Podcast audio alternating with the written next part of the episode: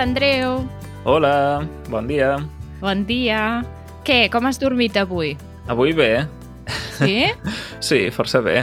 Avui que gravem és diumenge, ahir vaig anar a dormir d'hora i sí, he dormit força bé.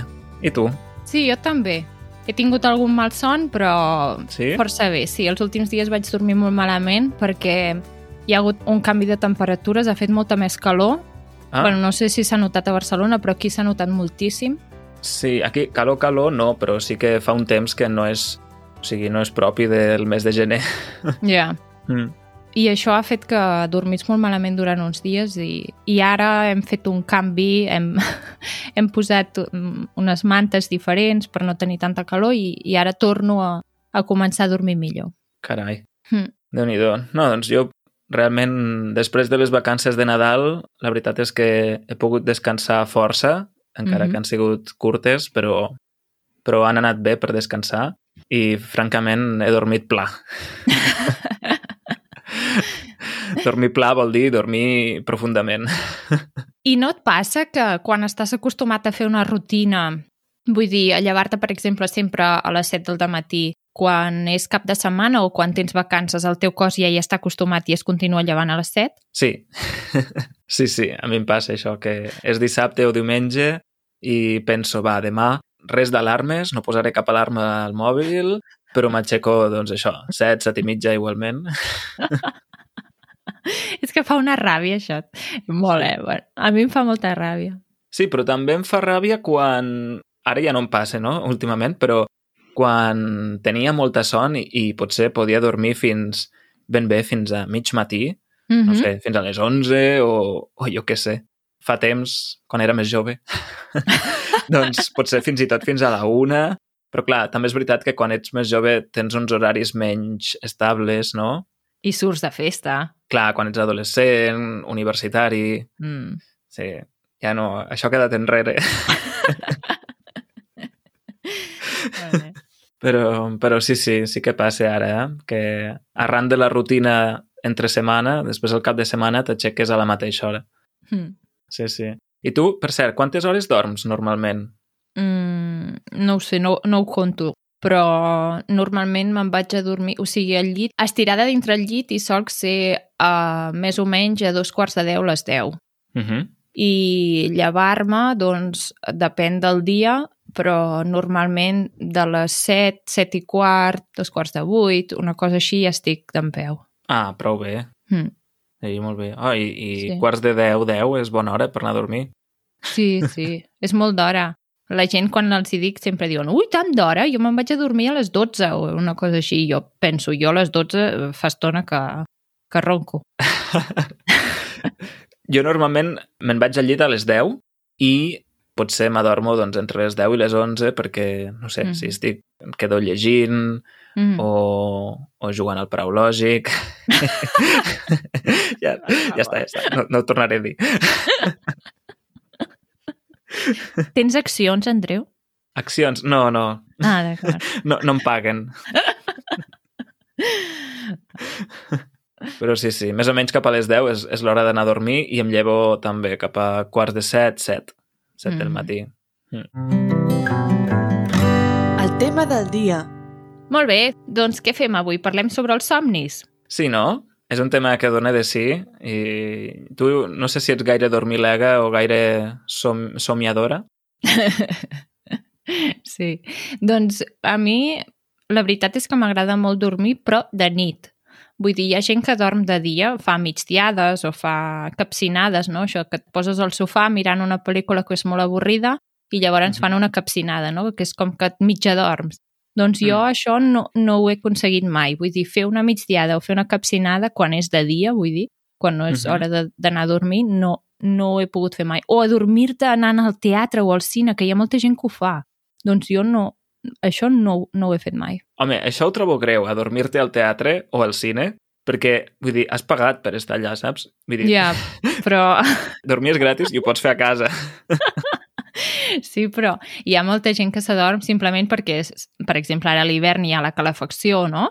I, Mm. i és tot fosc i et posen una musiqueta o parlen així més, amb un to sempre igual i, i ja està, vull dir, no necessita res més la gent. Ja, ja, però bé, no ho sé, això ja et dic, no, no ho puc entendre, no ho puc concebre. Adormir-te a un lloc on, on has pagat per, bé, per, per una cosa que no és dormir. I el tema de les migdiades o les capcinades, que dius tu? Mm -hmm. Mira, aquest, no, no l'havia sentit gaire, aquesta paraula, ah. capcinada. Normalment mm. jo sempre dic migdiada o fer una becaina. Sí, però és que no és... bueno, saps què et vull dir, no? No és dormir, dormir. O sigui, mm. fer una becaina o, o una migdiada és dormir de veritat, vull dir, t'adorms. I una capcinada és simplement que et cau al cap mm -hmm. perquè t'estàs a punt de dormir i de vegades et tornes a despertar de cop. Ah, d'acord. Saps què mm -hmm. és? O sigui, fer cops de cap. O sigui, és, és una micromigdiada. Exacte. d'acord, d'acord. Que és la, és la típica gracieta que fa tothom, no? Que, que es veu un senyor gran en un sofà amb tot de canalla mirant la tele i el, el senyor gran fa una capcinada, no? Uh -huh. Això que li cau al cap i de cop es torna a despertar i diu vinga, tothom a dormir! No? I, I els altres estaven tan tranquils mirant la tele, però... Sí. doncs... A mi això em passa, o gairebé em passa normalment cap a la una, o sigui, durant entre setmana, a la feina, uh -huh. tinc una hora en què de cop em ve la son, que és cap a la una. Clar. Uh -huh. Jo plego a les dos del migdia Uh -huh. Uh, després torno a treballar a la tarda, però al migdia faig la pausa a les dues uh -huh. i, i a la una em ve la son i m'he de, prendre, de prendre un cafè cap a les 12 perquè no, perquè no m'agafi la son a la una. déu nhi Vull dir, a les 12 sí. ja comença a ser bastant tard, eh, per prendre't el cafè. Ja, però, clar, com que normalment m'aixeco a quarts de set, mm. doncs, sí, ja és, és una hora en què començo a estar cansat. Clar. Saps? Mm -hmm. I com que no faig migdiada, doncs... Mm -hmm. yeah. sí. I una pregunta, Andreu, tu te'n recordes dels somnis que has tingut? Vull dir, l'endemà al matí te'n recordes de què has somiat? Depèn. Hi ha dies que sí, dies que no, però sí que somio molt. Bé, diuen que tothom somia, però que la cosa és després recordar els somnis, Exacte, no? sí. Hi ha vegades que sí que, el, que els recordo, i he tingut èpoques i èpoques, no? Hi ha, hi ha èpoques en què tinc molta activitat uh -huh. somnolenta, en què tinc molts somnis, i sí, sí. I de fet, hi va haver una època quan estava de voluntari, quan, quan vaig estar vivint a Letònia, uh -huh. durant un any, aquella època recordo que, que tenia molts, molts, molts, molts somnis i els recordava uh -huh. i, a més a més, tenia un company de pis que ja te'n vaig parlar, que era um, psicoanalista. Ah, mira. I, I llavors vam aprendre... Bé, ell em va ensenyar a mi a interpretar els somnis. Mm -hmm. D'acord? I aleshores el que fèiem al principi era que jo li explicava els somnis sí? i ell no em feia una interpretació, sinó que em feia preguntes, no? D'acord. Seguint el mètode de la psicoanàlisi, que és sí? i, per què, i per què creus que has somiat en això? Clar. O i què creus que pot simbolitzar això? Coses, sobretot, basades en el per què. per què, per què, per què, quina semblança trobes en el teu dia a dia, no? Coses així. Clar, és que moltes vegades és això, vull dir que tu has somiat una cosa i és perquè el dia abans has fet no sé què, o has pensat molt en aquell tema, o és una uh -huh. cosa de futur que, que, que creus que passarà, no? Uh -huh. I de vegades somiem moltes vegades simplement perquè és una cosa del dia a dia, però distorsionada, no? Perquè de vegades potser sí que té alguna mica de relació amb el que has fet, però mmm, hi apareix gent que no hi hauria d'aparèixer o llocs que no saps per què hi ets o... Sí, perquè al final és el subconscient que, que està allà campant lliurement i jugant amb totes les imatges i totes les emocions que hi poden haver no, per allà Sí. i, i el que fa és utilitzar-les com si fossin pintures per fer un quadre no? I a vegades pot ser molt abstracte o, o a vegades més figuratiu. Fem un petit parèntesis per recordar que aquest episodi té el suport del nostre patrocinador habitual, iTalki. Com ja deveu saber, iTalki és una plataforma que connecta aprenents de llengües amb professors i tutors de conversa particulars.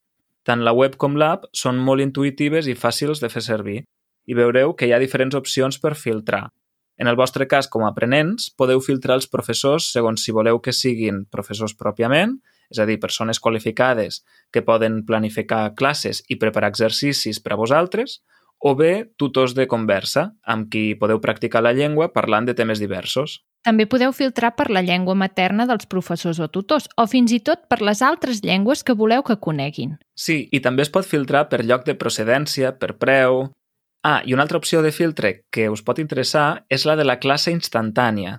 Aquesta opció serveix per trobar professors i tutors que estan disponibles en aquest mateix moment per fer una classe amb vosaltres. Sí, és una funció molt interessant aquesta. Pot estar bé si tens una estona lliure i no saps com ocupar-la.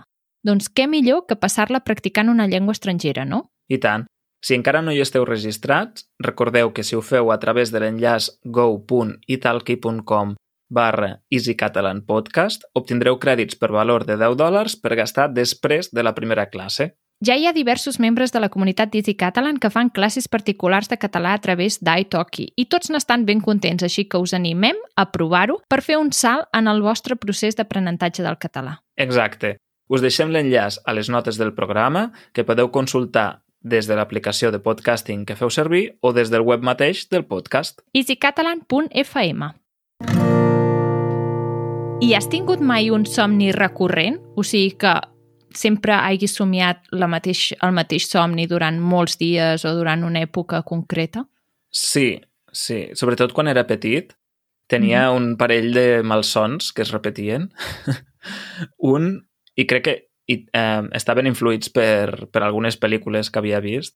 Uh -huh. Per exemple, la pel·lícula de Jurassic Park em va, em va fer somiar durant anys en un Tyrannosaurus Rex que venia cap a casa. No, si plau. Sí? sí, tenia... Nosaltres, eh, la casa de mons pares està al final d'un camí, sí. d'acord? Vull dir que has d'agafar un camí sí. i és al final de tot. Doncs eh, jo tenia el somni que veia jo estava a casa i veia el Tyrannosaurus Rex al final del camí corrent Hòstia. cap a nosaltres. D'acord? I clar, no hi ha escapatòria, perquè l'escapatòria és aquest camí saps? Ja, ja, ja. I, I aleshores nosaltres teníem un búnquer just a l'entrada de la casa. Ah, d'acord. I quan hi anàvem, ens trobàvem el Tyrannosaurus Rex just a sobre de l'entrada del búnquer. Hòstia. sí. Però és una mica angoixant, no? Vull molt. molt, molt. Ara ja fa temps que no, que no tinc aquest malson, però era un malson molt angoixant. Sí, sí, sí. Uf. Però així, no, tor no tornis a veure més aquesta pel·lícula, Andreu. Però saps dir. quina és la paradoxa? Que aquesta era la meva pel·lícula preferida. No! sí. Sí, sí, és una, és una de les pel·lis que m'han agradat més de, de la meva infància, Jurassic Park. Sí, sí.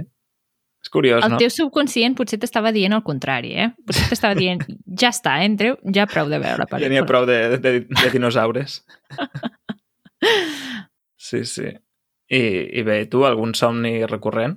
Sí, doncs quan era petita tenia un somni molt, molt sovint, que uh -huh. era que anàvem conduint amb la meva mare, jo anava darrere perquè era petita i ella conduïa el cotxe, i de cop passava alguna cosa, o sigui, sempre passava alguna cosa diferent, uh -huh. i la qüestió és que jo havia d'acabar agafant el volant del cotxe i conduir jo. O sigui, uh -huh. aquesta era com, com la seqüència. La qüestió és que no era tan senzill com això, vull dir que també m'angoixava molt perquè representava que estàvem a punt de tenir un accident, jo no sabia conduir, però en el somni al final me n'acabaven sortint, o simplement em despertava de cop, saps? Aquells, aquells somnis que t'estàs a punt d'estampar, de, de xocar contra alguna cosa i de cop fas... i et despertes. Sí. Doncs eren, eren somnis d'aquest tipus i aquest era, el tenia molt sovint. Hmm. Ara, si fos el meu amic Vladimir, preguntaria i per què creus que vas somiar això? doncs no en tinc idea, la veritat. no, perquè, vull dir, mm, no havia conduït mai un cotxe en aquella època, no? Mm.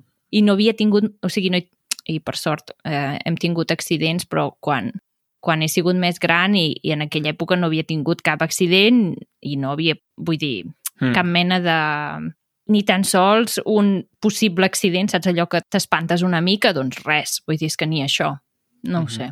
Clar, jo si ho agafo per la via interpretativa, potser diria que agafar el volant simbolitza agafar una, prendre una responsabilitat, no? Ja, però és que era molt petita, vull dir... Estem, estem parlant de quan tenia 6 o 7 anys. Hmm. No ho sé, potser sí. Hmm. Bé, curiós. Mm. Sí, doncs un altre malson, perquè això són malsons, eh? al Sí, final. Un altre malson recurrent que, que tenia jo de petit, no de tan petit, va ser quan van construir l'aeroport d'Alguaire, Per favor. perquè a Catalunya hi ha quatre aeroports, com a mínim, potser n'hi ha algun més. N'hi ha, ha més. N'hi ha més, no? Però Sí. els més coneguts són el de Barcelona, òbviament, després el de Reus, que és a prop de Sí. Tarragona, el de Girona, Sí. i el més nou és el d'Alguaire, Mm. que el van estrenar el 2000, 2006, 2007, una cosa així, potser. Mm. I bé, Alguaire és un poble molt petit al nord de Lleida i té un aeroport. Un altre dia podem parlar d'aquest aeroport. La qüestió és que els, els avions que van a aquest aeroport passen just per sobre de casa meva. Ah, sí? Sí. Tenim la sort que és un aeroport petit i amb molt poc trànsit, Ja, ja. però bé, en els seus inicis tenia força trànsit, ara en té molt poc.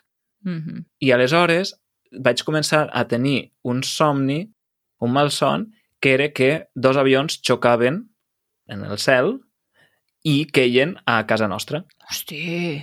O sigui, no, no ben bé a la casa, però al terreny, Ja. a la Ja. parcel·la.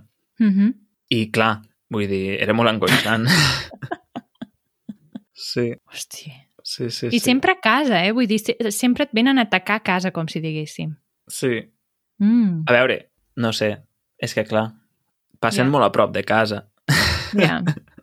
saps? Mm. Però, però clar, és impossible que xoquin dos avions. Ja. perquè eh, la ruta de- d'aterratge i d'enlairament són diferents. Ja, ja, ja, ja. Vull dir ja. que ho haurien de fer molt malament per xocar. I just a sobre de casa de l'Andreu, vull dir, Exacte. seria molta coincidència. Sí, això ho vaig somiar diverses vegades. Sí, sí. Mhm. Oh, que curiós. I escolta una cosa, Mm. t'ha passat mai que durant la nit parlis o donguis cops, una cosa, o per exemple, fins i tot vagis sonàmbul, o sigui, que t'aixequis i caminis? Diria que no. Mai! Mm, diria que no. Crec que sóc força tranquil mentre dormo, que no sóc un perill públic. Però sí que és veritat, hi ha una anècdota que, que ens ha explicat la meva àvia moltes vegades, que és que hi va haver un estiu Uh -huh. que vam anar a estiuejar a Cambrils, em penso, sí, a Cambrils, Uh -huh. que és un poble de la costa, i la meva germana i jo estàvem en la mateixa habitació. D'acord. I es veu que, adormits, tots dos, vam tenir una conversa Ah. i la meva àvia la, la va sentir, la va presenciar, estàvem tots, o sigui, els dos estàvem gairebé roncant, ben bé adormits, i estàvem parlant, o sigui, hi havia com una interacció de pregunta-resposta. Molt bé. No sé fins a quin punt tenia sentit la conversa Ja. en si mateixa, però sí, sí. Que bo. sí. Doncs això és l'únic que recordo. Ah. Doncs jo de, de nit parlo molt. Sí? Sí, molt. Vull dir, ja ho faig de dia, doncs de nit continuo parlant.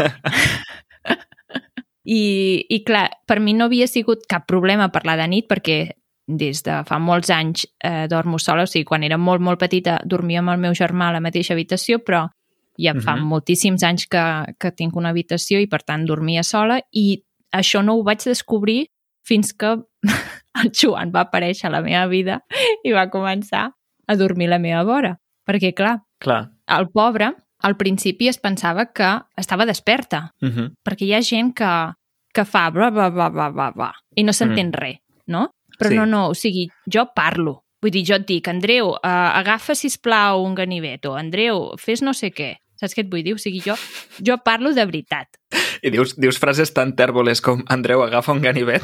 és que saps què passa? Que el problema és que estic somiant. Ja. I llavors et faig partícip del somni. I normalment quan parlo és perquè estic molt esbarada i necessito que m'ajudis amb alguna cosa del somni que mm, doncs a mi tota sola em costa, no?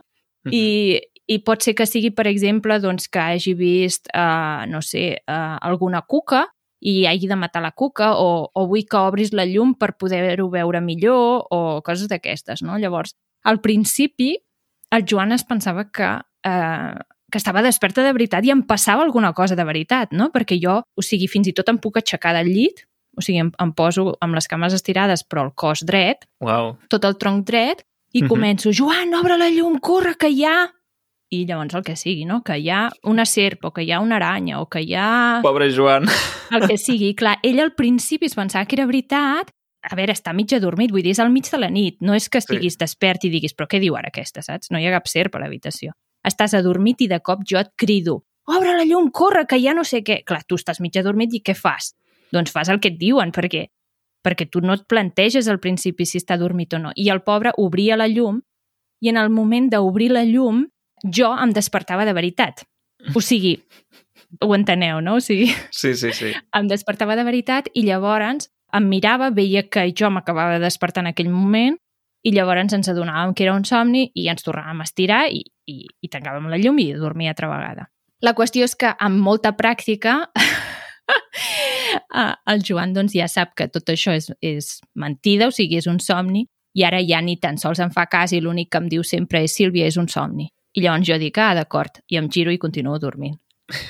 I tot això passa sense que jo me n'enteri. I l'endemà al matí el Joan em diu, Sílvia, aquesta nit, i llavors m'explica el que ha passat.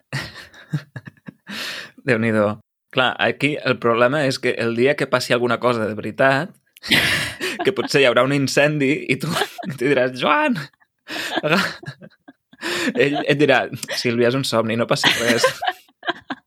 No, és, és com el conte, de, el conte del llop. Del Pere i el llop, sí. Exacte. Sí. sí. Hosti, déu nhi Doncs, És, és, molt, és molt recurrent, o sigui, ho faig moltíssim, moltíssim, moltíssim, moltíssim.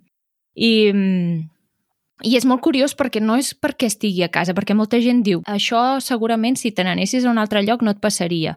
I jo els dic, no, no, em passa tot arreu. Vull dir, simplement és que jo mateixa, uh -huh. jo no me n'adono del que faig, però quan vam anar a Colònia, Andreu, te'n recordes? Vaig compartir l'habitació amb la Rita i la Judit d'Easy French Uh -huh. i me'n recordo que, clar, havíem de passar, no me'n recordo si tres o quatre, quatre nits juntes, i la primera nit, abans d'anar a dormir, els hi vaig dir us he de dir una cosa i és que parlo durant les nits. I, i elles em, es van posar a riure així com dient va, no serà tant, no sé què. Dic, jo ja us ho he dit. Vull dir, Esteu avisades. o sigui, a mi no m'importa perquè jo no m'entero de res. Dic, però vosaltres sí. I la qüestió és que, efectivament, vaig parlar i, i la Judit estava de nosaltres fins al gorro, vull dir perquè jo parlava i la Rita doncs, també es movia molt i feia, en fi, va, van ser unes nits molt boniques. Uau, Sí. déu nhi Doncs jo ara, més que... O sigui, em sap greu per la Rita i la Judit, però sobretot penso en el Joan. Dic, no sé com dorm el Joan, normalment. Ah, com un tronc, com un tronc. No, sent... Sí? no, no... Sí, sí, per ell no és problema. O sigui, jo, per exemple, si em despertes, tardo molta estona a tornar-me a poder dormir, no? Però Mhm. ell no. O sigui, jo li faig tot això i, i diu, va, anem a dormir. I, i ens quedem dorm adormits els dos de seguida. Molt bé. Sí, sí. L'expressió de la setmana. Ara que has dit que el Joan dorm com un tronc, hi ha algunes expressions que tenim o algunes comparacions com aquesta per dir que una persona dorm profundament, no? que té un, un dormir... Molt profund. que dorm profundament, no? Per exemple, doncs Mhm. això, dormir com un tronc o com un soc, Mm -hmm. és, és el mateix, no?, pràcticament. Dormir com una marmota. Sí. També es diu dormir com un angelet o com un sant. Però potser dormir com un angelet és diferent, no? O sigui, tronc, soc i marmota seria el mateix i en canvi dormir com un angelet és normalment la canalla, no? Quan, quan estàs parlant d'un nen o d'una nena petita i veus que està dormint plàcidament, doncs Sí. dius, ai, dorm com un angelet. Sí, el matís és, és aquest, és dormir plàcidament, no? Quan algú Mm -hmm. fa una cara de dormir com amb molta tranquil·litat, Sí, no? exacte. Sí, sí, sí. Dormir com un sant, també. Dormir com una pedra, fins i tot. Aquest no la- no l'havia sentit, però ho vaig trobar. Jo ni el sant ni la pedra no, no havia sentit mai. Dormir com un sant, sí, jo sí. Mm. Després, dormir pla, Sí, dor dormir clar. bé, dormir... Mm -hmm. Allò que et poses al llit i t'adorms de seguida, doncs dormir pla. I dormir prim, aquesta l'havia sentit algun cop, és el, el contrari eh, de dormir pla. És quan tens un son lleuger i et despertes de seguida. Ah, doncs no l'havia sentit mai, aquesta. Mm. També parlem d'aclucar els ulls, Sí, tancar els ulls, no? sí, tancar els ulls, o Mhm. fins i tot quan la gent diu no puc aclucar l'ull. No? Mm -hmm. no poder aclucar l'ull és tenir dificultats per dormir. Exacte. És bonic aquest verb, no? Aclucar. Sí. No sé, em sembla bonic. Després hem parlat de la migdiada, Mm -hmm. Fer la migdiada, fer una becaina, fer un cop de cap, trencar el son, Mm -hmm. Fer una capcinada, com has dit tu, que, Mm -hmm. que jo he rebatejat amb el nom de micromigdiada. I també per als nens, per a la canalla, hem dit dormir com un angelet, però també tenim les expressions fer nones, Ui, no? sí. És l'hora de fer nones. És que és, és molt curiós, eh? Vull dir, jo, ara que tenim la neboda que és petitona, m'he adonat que hi ha tot un vocabulari que fem servir només per parlar amb canalla, no? Quan els nens són petits. Mm. I, I, per exemple, fer nones, és que no li diries a cap adult, va, anem a fer nones. No. Vull dir, és que, és que tenim tot de paraules, normalment sempre amb diminutius, per expressar coses que fem durant el dia a dia i que com que estem parlant amb una criatura, doncs fem servir paraules diferents. Mm -hmm. Sí, sí, sí. Suposo que això passa en totes les llengües, no? Mm, sí. I a part de fer nones, també hi ha fer non-non, No, aquesta no la fem servir. no? No. Jo no la faig servir, però sí que l'he sentit. Fer non-non, Mm. fer nones. Mhm. I bé, també hem dit ser un dormilega, Sí. que vol dir ser una persona que dorm molt o que li agrada dormir molt. Mm -hmm. Jo reconec haver estat dormilega en èpoques passades, Mm -hmm. ara ja no. I dormir la mona.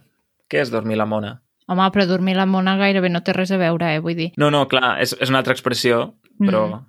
Què vol Sí, dir? o sigui, quan algú ha begut molt alcohol, o sigui, està borratxo i ja fa estona que toca la pera, vull dir que, que ja es fa pesat i cansat, doncs se li diu, va, vés a dormir la mona, que significa que se'n vagi cap a casa a dormir una estona i que se li passi la borratxera. Sí, o sigui, és dormir després de la borratxera, no? És Mm. la, el fet de, de fer passar la borratxera dormint. Mm, exacte. Doncs sí, sí, ja veieu que tenim tot un, una varietat d'expressions per fer referència al, al fet de dormir. Mm. En fi, doncs, si et sembla, ho deixem aquí Molt bé. i a veure si avui cau una migdiada. ja t'ho explicaré. Jo ja t'aviso que no. No? No en fas mai? No, mai. Jo normalment tampoc. Però diuen que una migdiada de 15 minuts és molt saludable. Pot ser. En tot cas, que acabis de tenir un bon diumenge, avui que... Igualment. I que igualment. descansis. I, Això. I ens veiem aviat. Que vagi bé. Que vagi bé. Adéu, adéu. Adéu.